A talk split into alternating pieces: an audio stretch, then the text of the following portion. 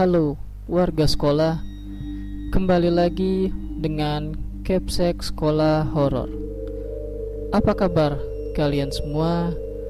Semoga baik-baik saja Di episode Sekolah Horor kali ini Menceritakan tentang Dua lantai dipakai manusia Satu lantai dipakai mereka bagian kedua.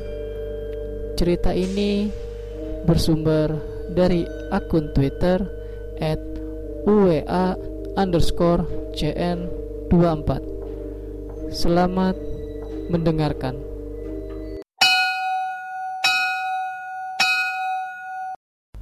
Iya tahu gue juga.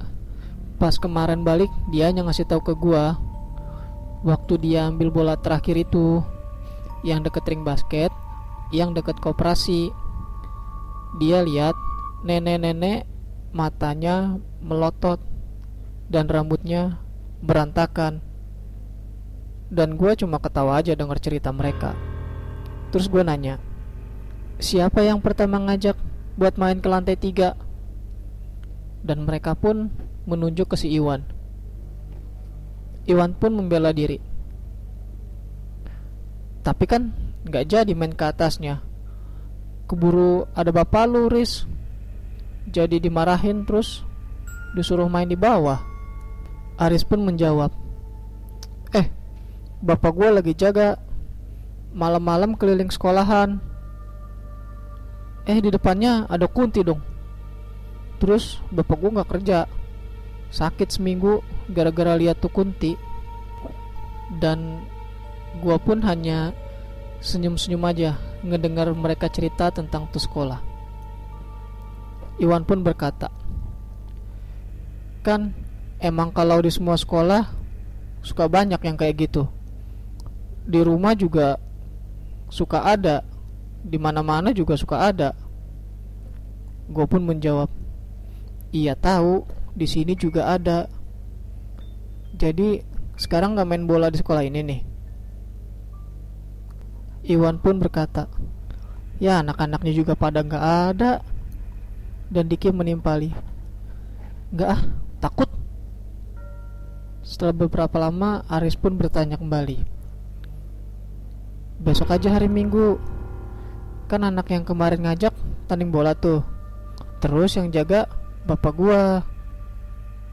Gue menjawab Memang kalian gak takut kalau banyak kan berani gue kalau sendiri ya gue takut.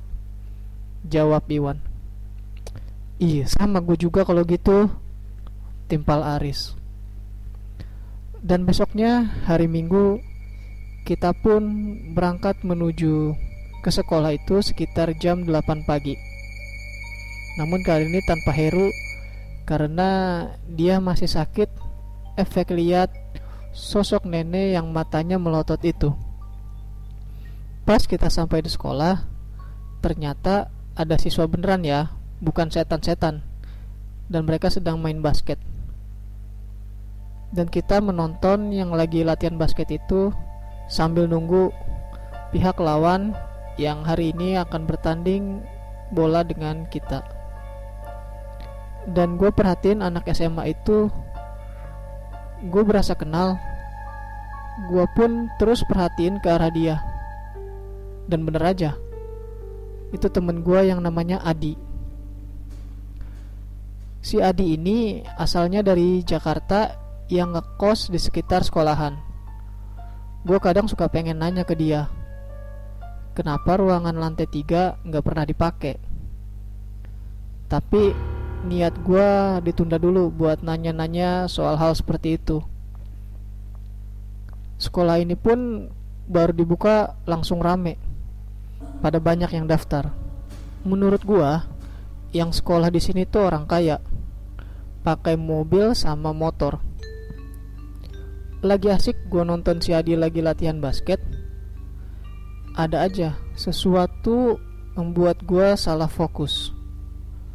Ya, Gue penasaran Lihat ke arah lantai tiga Dalam hati Pasti ada apa-apa nih Gue langsung lari aja ke parkiran depan.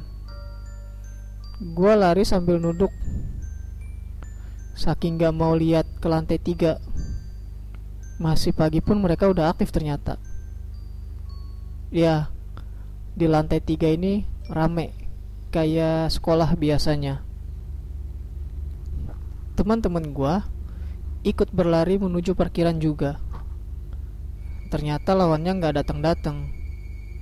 Jadi kita main bola di parkiran sambil nunggu yang beres latihan basket. Berapa jam kemudian yang latihan basket pun selesai. Dan yang jaga sekolah pun bapaknya si Aris. Jadi kita diperbolehkan main di lapangan basket tanpa harus naik-naik gerbang. Teman-teman gua pun berlarian menuju lapangan basket. Dan gue bilang ke si Ujang yang lagi jalan di samping gue. Jang, jangan main air di tempat wudhu itu ya. Kenapa emangnya? Gue emang mau cuci tangan. Jawab Ujang.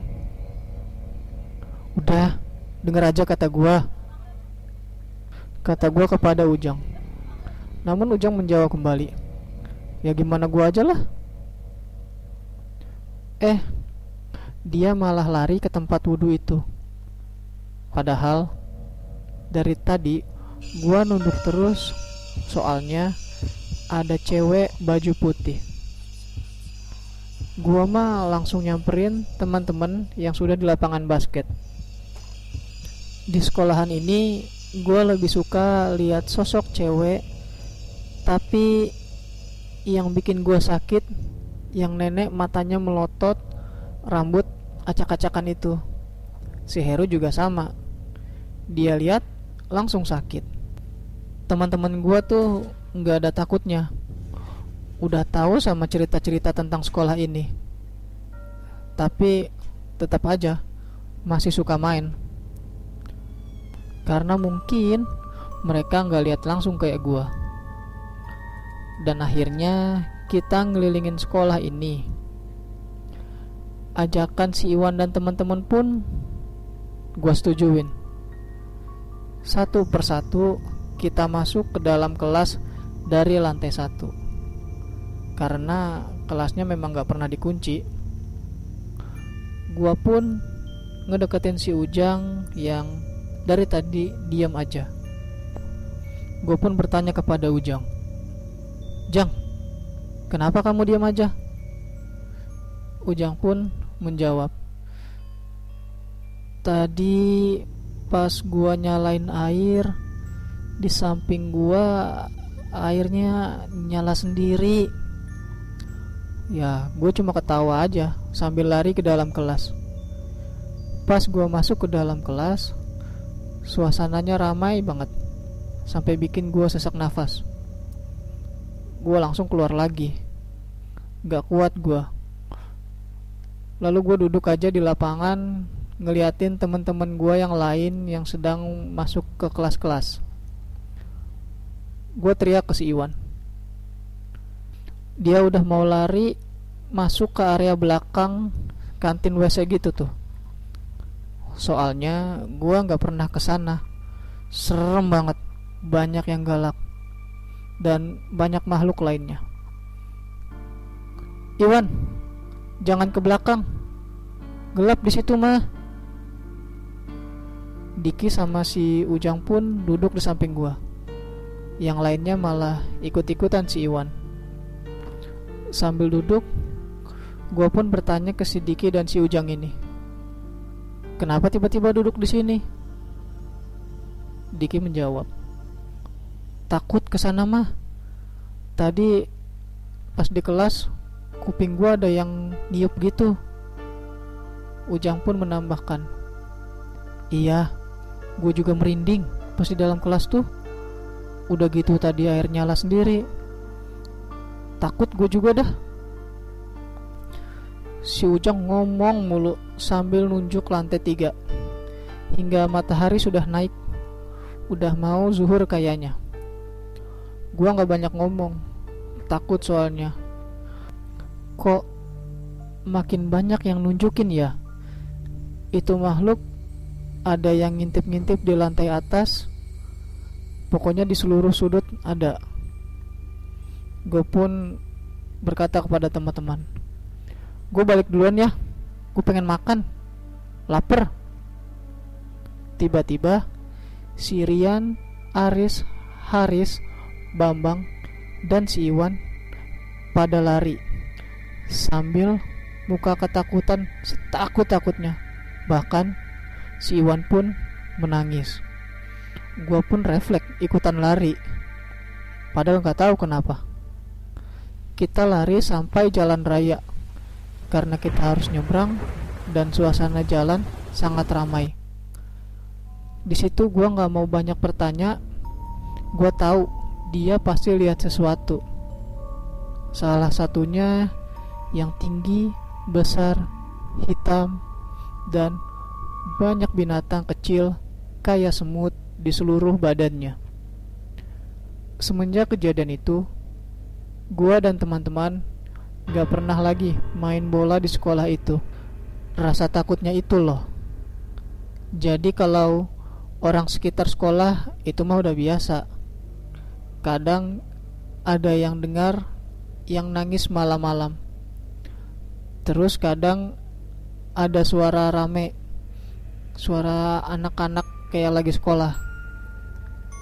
Gak hanya malam hari gue pas udah SMP main tuh ke rumah temen gue yang tinggal daerah sekolah itu.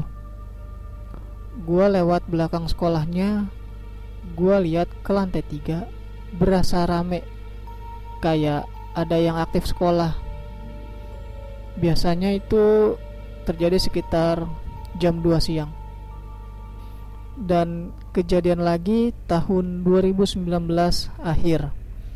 Ceritanya dari adiknya temen gue namanya si Devi yang sekolah di situ. Lelembutnya kebawa. Di sekolah itu pulang-pulang dia berasa linglung kayak aneh aja. Terus pas malamnya dia ngigo. Kakinya dingin badannya panas. Tiga hari dia nggak bisa bangun. Mamanya udah nangis mulu. Dan ustadz yang biasanya nanganin gua datang ke rumahnya dan ngebantu untuk ngebatin dia. Dan alhamdulillah si Devi normal lagi dan sekolah lagi di sekolah itu. Maaf ya guys. Gua nggak detail ceritanya. Soalnya sekolahnya masih aktif dan sekarang nggak seramai dulu pas awal-awal itu muridnya banyak. Mungkin karena kejadian-kejadian itulah yang ngebuat sekolahnya sepi. Semoga murid-murid, guru, dan yang lainnya yang berada di sekolah itu selalu dilindungi Allah dan diberi keselamatan. Amin.